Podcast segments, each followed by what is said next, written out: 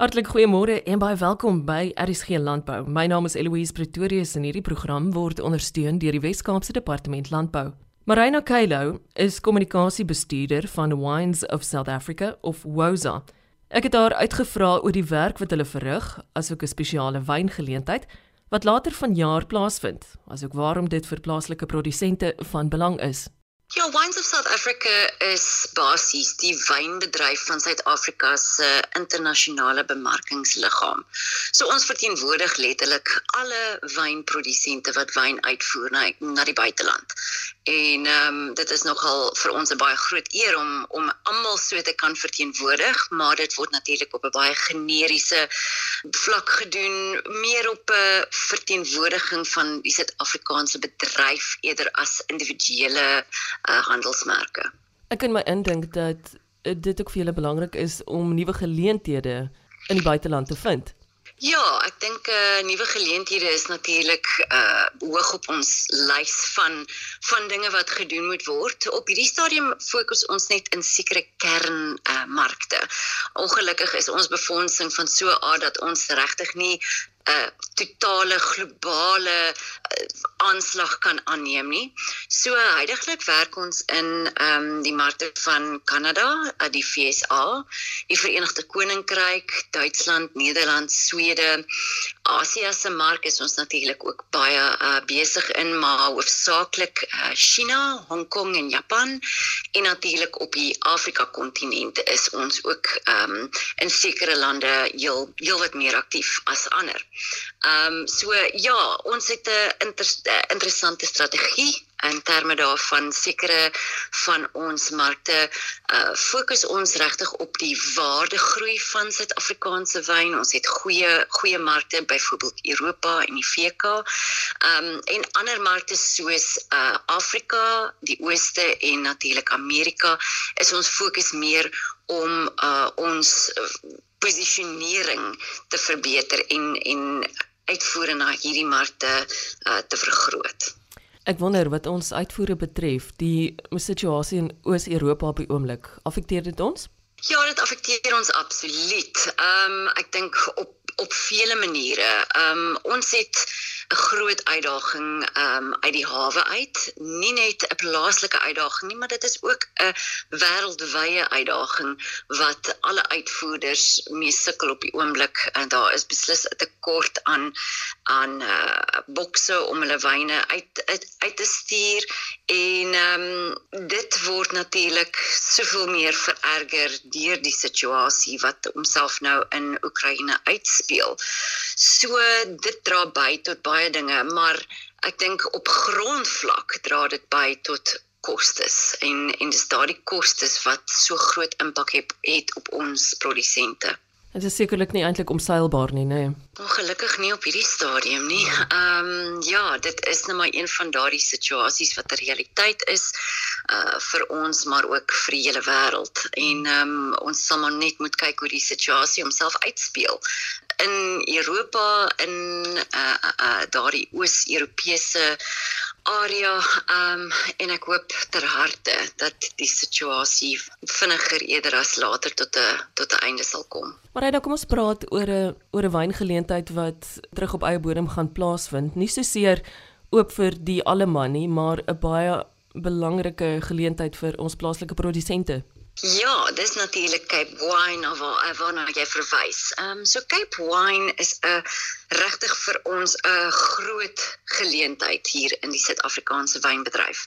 Hierdie skou word gewoonlik elke 3 jaar gehou by die uh, by Kix hier in die Kaap. Uh en Dit is 'n geleentheid vir die Suid-Afrikaanse wynbedryf om om regtig hulle beste voet voor te sit en en te wys aan die internasionale asook die plaaslike uh ruim wat ons so goed doen. Uh hy sou natuurlik laas jaar plaasgevind het. Uh die laaste een was in 2018, maar natuurlik weet ons uh die goeie rede hoekom ons besluit het om uit te stel. Uh en ek verstaan dit is die grootste skou van sy soort in die suidelike half grond. So dit is nogal iets om op trots te wees. Ons het so net skraps minder as 400 wynprodusente wat by hierdie skou gaan deel wees. En ehm um, ja, dit is ongelukkig nie vir die algemeen algemene publiek nie. Dit is net oop vir mense in die wynbedryf kopers, uh restauranteurs uh en natuurlik die media ook om hierdie wonderlike spoggeleentheid vir ons bedryf uh, by te woon. Um en ek dink na 2 en 'n half uh jaar van uh, grense wat toe is en uitdagings om om oorsee te reis en ons wyne aan aan ons internasionale markte vry te stel is hierdie absolute gulde geleentheid om internasionale besoekers ook hier te verwelkom om uh, te beleef wat ons so goed doen hier in die Kaapse wynlande. Wanneer vind dit plaas? Dit vind plaas van die 5de tot die 7de Oktober. En uh om dit natuurlik ook 'n hele uh plan van van funksies en en 'n paar geleenthede om om die gaste regtig te wys wat 'n fantastiese wynlande ons hierso het op die plase en in restaurante en ag sommer reg oor die Weskaap. Maar en ek wonder, veronderstel ek is self 'n produsent of dalk 'n lid van die media of enigiemand anders. Ek het dalk nog een of twee vrae wat ek aan jou wil rig. Hoe kry ek jou in die hande? Uh met betrekking tot Cape Wine spesifiek kan jy uh besoek maak aan www.capewine2022 .com. En uh, as jy wil kontak maak met enigiemand by Wines of South Africa spesifiek kan jy gaan kyk na ons kontakbesonderhede by www.wosa.co.za Ek dink die Suid-Afrikaanse wynbedryf is regtig gerig op 'n uh, fokus om nou weer groei uh te toon na 'n baie baie moeilike tyd. Ons is een van die wynbedrywe wat regtig die hardste geknou is deur deur COVID hoofsaaklik deur die uh verskeie besluite deur die regering om alkoholverkope te verban En ehm um, ek dink die ondersteuning wat ons gesien het uit die Suid-Afrikaanse verbruikersveld was absoluut ongelooflik. Dit het regtig 'n baie groot verskil gemaak aan ons produsente. Daar was fantastiese geleenthede vir verbruikers om wyn te koop teen teen goeie afslagpryse.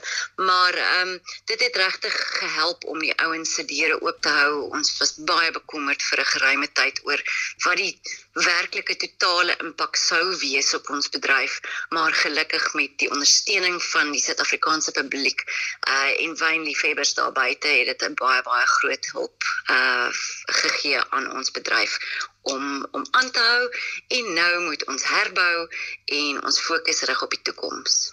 Marina Kailo is kommunikasiebestuurder van Wines of South Africa of WOSA. Dr Ronald Heath is direkteur van navorsing en beskerming by Bosbou Suid-Afrika. Hulle verteenwoordig onder andere 11 groot plaaslike bosboumaatskappye, asook 1300 houtspesie boere. Hy verduidelik dat bosbou onlangs 'n groot hupstoot gekry het en dat dit veral nuwe toetreders is wat hierdeur bevoordeel gaan word. Wel definitief, weet, eh, soos ek laas keer toe ons gesels het gepraat het, vanaf die inisiering van die presidensiële program, die Public Private Growth Initiative en dan die daaropvolgende bosbousektor meesterplan, um, is ons sektor baie bevoorreg glo ek met die implementering van die meesterplan wat, wat redelik resultate begin lewer het.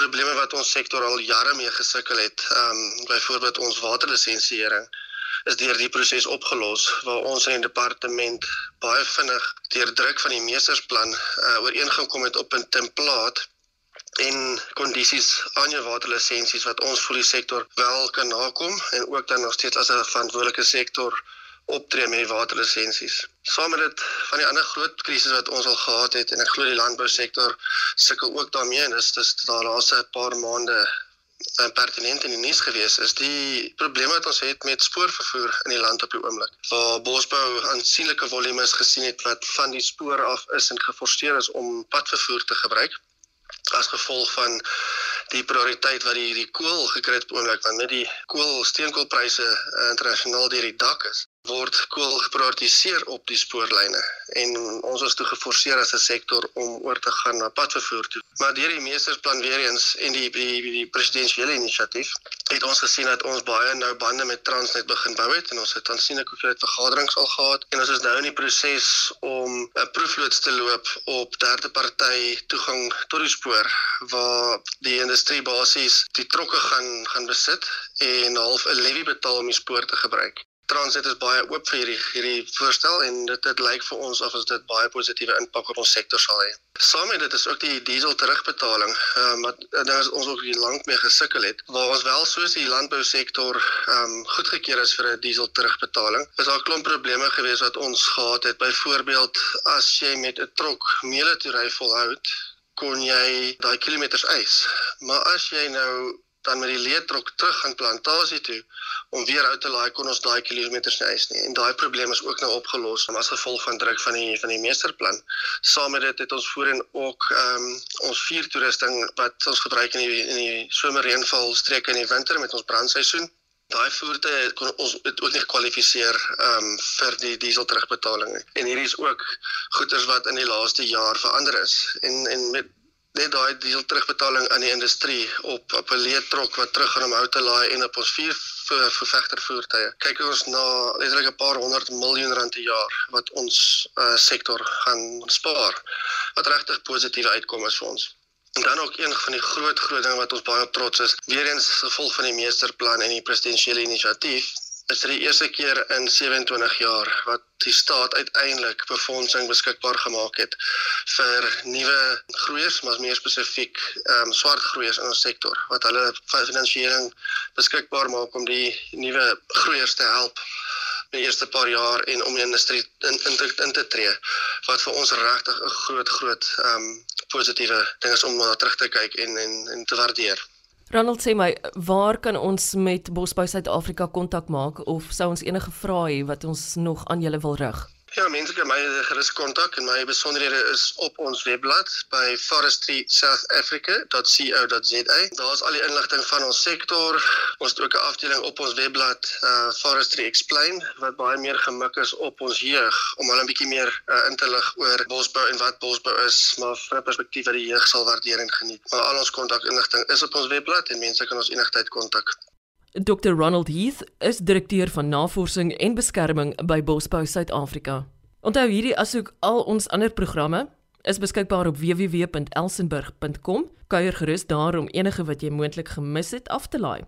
Môre om kwart voor 12 het ek en jy weer 'n afspraak om landbou sake te bespreek en daarna sien ek baie uit. Ek is Eloise Pretorius en ek groet jou. Tot dan.